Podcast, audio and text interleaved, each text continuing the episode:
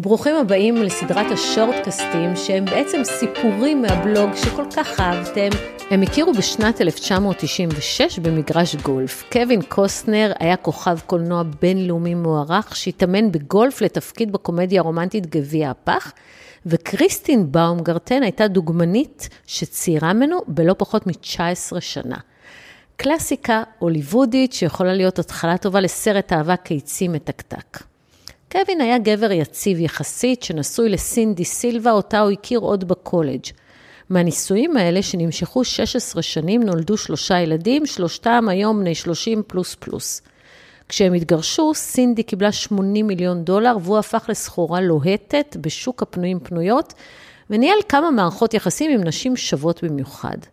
אחת מהן, בריג'יט רוני, שחקנית בת למשפחה מאוד עשירה ומפורסמת, הצליחה להפתיע אותו כשהרתה תוך זמן קצר ולא העלתה על דעתה לעשות הפלה.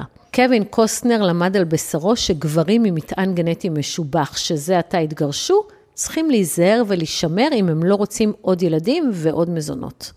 לקווין, הגרוש הטרי ממש לא התאים ההיריון הזה, והוא התכחש תחילה לאבהות שלו ודרש בדיקת רקמות, אבל לאחר שאבהותו אושרה והספק הוסר, הוא לקח אחריות מלאה על בנו הרביעי, ליאם, שהיום הוא חתיך בן 26. אבל מה? קיבל שריטה רצינית מהאירוע, שתבוא לידי ביטוי במערכות הבאות.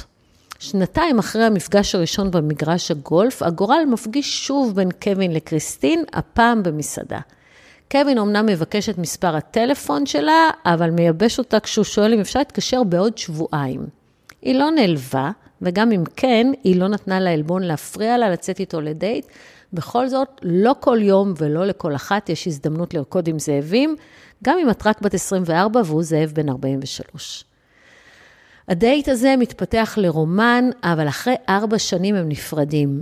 קריסטין רוצה ילדים וקווין ממש לא בעניין. כשאתה גרוש בן 50 ואבא לארבעה ילדים משתי נשים שונות, אתה ב state of mind של גבר עייף, שכתוב לו על המצח, שומעת, אני עם ילדים סיימתי. אלא שעבור קריסטין, הסירוב הזה היה deal breaker, עם כל הכבוד לקווין, היא רק בת 28, והיא ממש לא עומדת לקבור את עצמה עם הזקן הזה בלי ילדים. כמו בכל סרט הוליוודי שסופו ברור מראשיתו, קווין נשבר, חוזר אליה על ארבע, מבטיח לה ערים וגבעות, וכמובן כמה ילדים שהיא רק רוצה, אם רק תחזור אליו. בריאיון לעיתונות שנים אחר כך הוא יספר שהוא פחד מילדים, והתעורר כשהבין שהוא לא רוצה להפסיד אישה יפה שמוכנה להיות עמו עד, עד סוף ימיו, רק בגלל הפחד לומר כן לעוד ילד. שימו לב, אני מזהה כאן קווים נרקסיסטיים של מי שקודם כל בודק את התועלת שלו ממערכת היחסים. אישה יפה שמוכנה להיות איתו עד סוף ימיו, וכשהתועלת ברורה, יש תוצאה. החלטתי שאני לא מתכוון לפספס אהבה, הצהיר קווין באותו ראיון. הם חזרו והחליטו להעלות את מערכת היחסים לרמה הבאה ולהינשא. אלא שכמו שקריסטין הציבה ילדים כתנאי למערכת היחסים, קווין הציב הסכם ממון כתנאי לנישואים.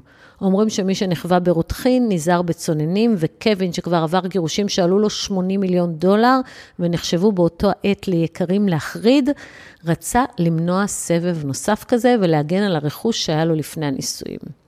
ואכן, בין השניים נחתם הסכם ממון שמעניק לקריסטין סכום כסף די מצחיק ביחס לאושרו של קוסנר, וקובע שבמקרה של גירושים היא צריכה לפנות את הבית תוך 30 יום. קווין נרגע, וקריסטין עוד לא הבינה שעוד כמעט שני עשורים ושלושה ילדים הוא יעשה שימוש בסעיף הזה כדי לנסות לפנות אותם מהבית. בני הזוג נישאו בחווה רחבת הידיים של קווין בשנת 2004. מסתבר שגם הם, כמו כולם, רצו לדפוק כניסה לחופה והחליטו שקווין ייכנס בכרכרה רתומה לסוס, וקריסטין בטנדר וינטג' ירוק. הוליווד על מלא. לזכותו של קווין ייאמר שהוא לא אמר לקריסטין שהיא לא צריכה לעבוד, כי הוא יכול לפרנס ביד רחבה, הוא דווקא העדיף שהיא לא תהיה תלויה בו כלכלית. כשהיא הראתה לו כמה דוגמאות של כיסויים למחשב, הוא עודד אותה לפתוח עסק והבטיח שיתמוך. ובאמת, בשנת 2005, קריסטין מייסדת את המותג קטבג קוטורה, ומייצרת כיסויים מעוצבים למחשבים ניידים. זוכרים שהוא הבטיח לילדים? אז ככה, בין 2007 ל-2010 הם מביאים לעולם את שלושת ילדיהם, וקווין הופך בשנות ה-50 לחייו לאבא לשבעה ילדים, בלי עין הרע. הילדים והמשפחה הופכים למרכז חייה של קריסטין, שנטשה את העסק והתמקדה במשפחה. היא דרשה גם מקווין להיות שם בשביל המשפחה, וזה כנראה לא היה קל עבור כוכב עסוק כמוהו. באחד הראיונות שהוא נתן, הוא דיבר על תקופת הקורונה, שחייבה אפילו אותו לקחת צעד לאחור, וסיפר שסגרי הקורונה חייבו אותם להכניס את הזוגיות והמשפחה לפוקוס, לבדוק מה כל אחד מהם עושה בשביל השני, ואיך הם מתמודדים עם המשפחה. בהמשך אותו ראיון, קווין נותן רמז למה שקורה שם בבית. הבית שלנו הוא כמו נהר, אתה חייב לזרום. ומה שחשבת שהולך לקרות, אולי עדיין יכול לקרות, אבל זה יצטרך להסתדר עם מה שהיום יביא. המשפט המוזר הזה מבשר על זרמים תת-קרקעיים שהתחילו לטלטל את מעמדו של קווין במערך המשפחתי. כמו בהרבה מקרים, כשהאבא בקושי נמצא, מתפתח איזשהו הוואי משפחתי שהוא לא חלק ממנו, וכשהוא חוזר הביתה בקורונה, הובהר שיש לו שתי אפשרויות, או לזרום איתם, או לטבוע. מסתיימת הקורונה, וקווין ממשיך בצילומים אינטנסיביים לעונות הבאות בסדרה המצליחה ילוסטון. הצילומים האלו, שהתרחשו רחוק מהבית, עשו לו בלגן בבית. במוקד הסדרה ילוסטון עומדת חוות ילוסטון הענקית ששייכת למשפחת דטון, שבראשה עומד ג'ון דטון, אלמן קשוח בגיל העמידה, שהשמירה על החווה ומה שהיא מסמלת היא משימת חייו. המחויבות הזאת באה על חשבון משפחתו המורחבת, ובעיקר שלושת ילדיו, שהחיים בצילו הגדול מעצבים את חייהם בעל כורחם. קווין קוסטנר, שמשחק את ג'ון דאטון, הכוכב הראשי בסדרה, היה מחויב לסדרה ב-100 והמחויבות הזאת, שבשבילה, בגינה זכה קוסטנר בפרס גלובוס הזהב, באה, כמו בסדרה, על חשבון המשפחה. בעוד שקווין שקוע כל כולו בצילומים, קריסטין מחפשת אוזן קשבת ומוצאת אותה אצל דניאל סטאר, איש עסקים מצליח ונאה שהפך לחבר של בני הזוג ושכר את בית האורחים באחוזה בתמורה לשכר דירה ממוצע של 60 אלף דולר לחודש. כמו ברוב הבגידות, הכל בסוף נמצא בטלפון, גם אצל קווין קוסטנר. קווין תפס הודעות טקסט שקריסטין שלחה לדניאל והתפוצץ על שניהם. דניאל מפנה את הבית בפברואר, שלושה חודשים לפני שהסתיימה תקופת השכירות שלו, אחרי מריבה מאוד קשה עם קוסטנר. האירוע הזה כולו, והרומן בפרט, מוכחשים לחלוטין על ידי כולם, אבל לדניאל סטאר אין הסבר למה הוא עזב בחופזה את האחוזה וסיים את השכירות, וכשהוא נשאל על כך הוא ענה, חשתי שהגיע הזמן להתקדם הלאה, או במילים אחרות, תתקדמו ותפסיקו לשאול שאלות שיאלצו אותי לשקר אתכם. באותה עת, קווין מתחיל להבין שהמשפחה שלו מתפרקת, ובניסיון למנוע את זה, הוא מתחיל להציב תנאים לאינטנסיביות הצילומים של ילוסטון, ודרש בפברואר השנה לסיים את צילומי העונה בשבוע אחד.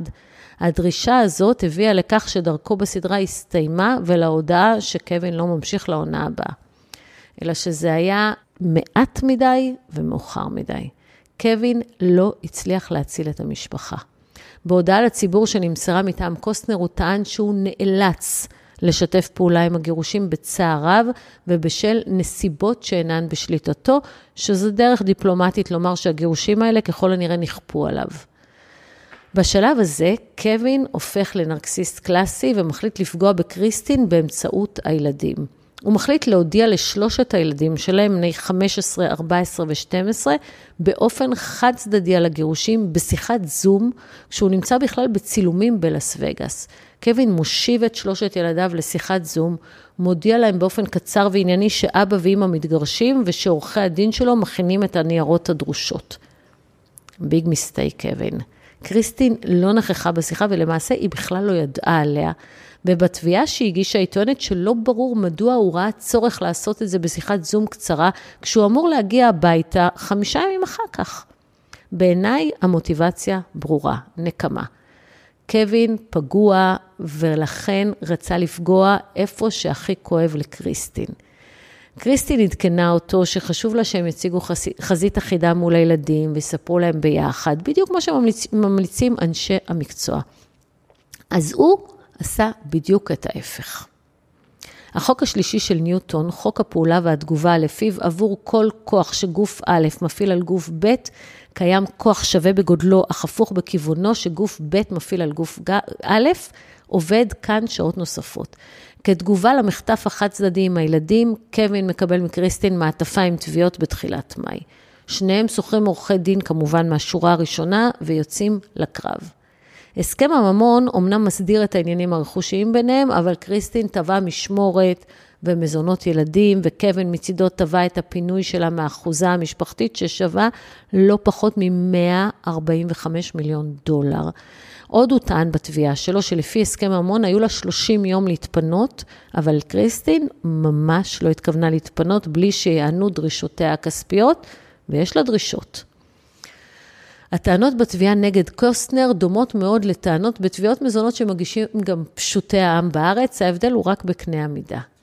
קריסטין הייתה האחראית העיקרית לגידול הילדים ולטיפוחם בעת שקווין המשיך את הקריירה המזהירה שלו כמפיק סרטי קולנוע, במאי ושחקן. טענו עורכי הדין של קריסטין בתביעות המזונות שהם אה, הגישו בשמה, והמשיכו וטענו שהקריירה המזהירה של הכוכב הניבה עושר רב והקנתה לילדים רמת חיים שתואמת לאושרו של אביהם. לפיכך טבעה קריסטין סך צנוע של 248 אלף דולר לחודש כמזונות ילדים. בנוסף, היא עתרה שקווין יממן את כל הוצאות החינוך והבריאות של הילדים. הסכום הזה, כך הצטנה קריסטין בתביעות שלה, נמוך בהרבה מהסכום אותו נהגו הצדדים להוציא בפועל. לקוסטנר יש הכנסה חודשית של מעל מיליון וחצי דולר בחודש. לטענת עורכי הדין של קריספין, הוא מרוויח קרוב ל-20 מיליון דולר בשנה, אז מה זה רבע מיליון דולר בחודש עבור קווין קוסטנר? בכתב ההגנה טען קווין שקריסטין חיה בסרט שהסכום שהיא טבעה הוא סכום דמיוני, שכולל גם 100 אלף דולר על ניתוחים פלסטיים שלה, ולא מעט משיכות מזומן מכספומט, ושההוצאות של הילדים לא עולות בסך הכל 50 אלף דולר בחודש. במקביל, קוסטנר נחוש להעיף את קריסטין מאחוזה, והיה מוכן להציע כמה עשרות אלפי דולרים בשביל לממן את המאמר. אבל קריסטין ממש לא בכיוון.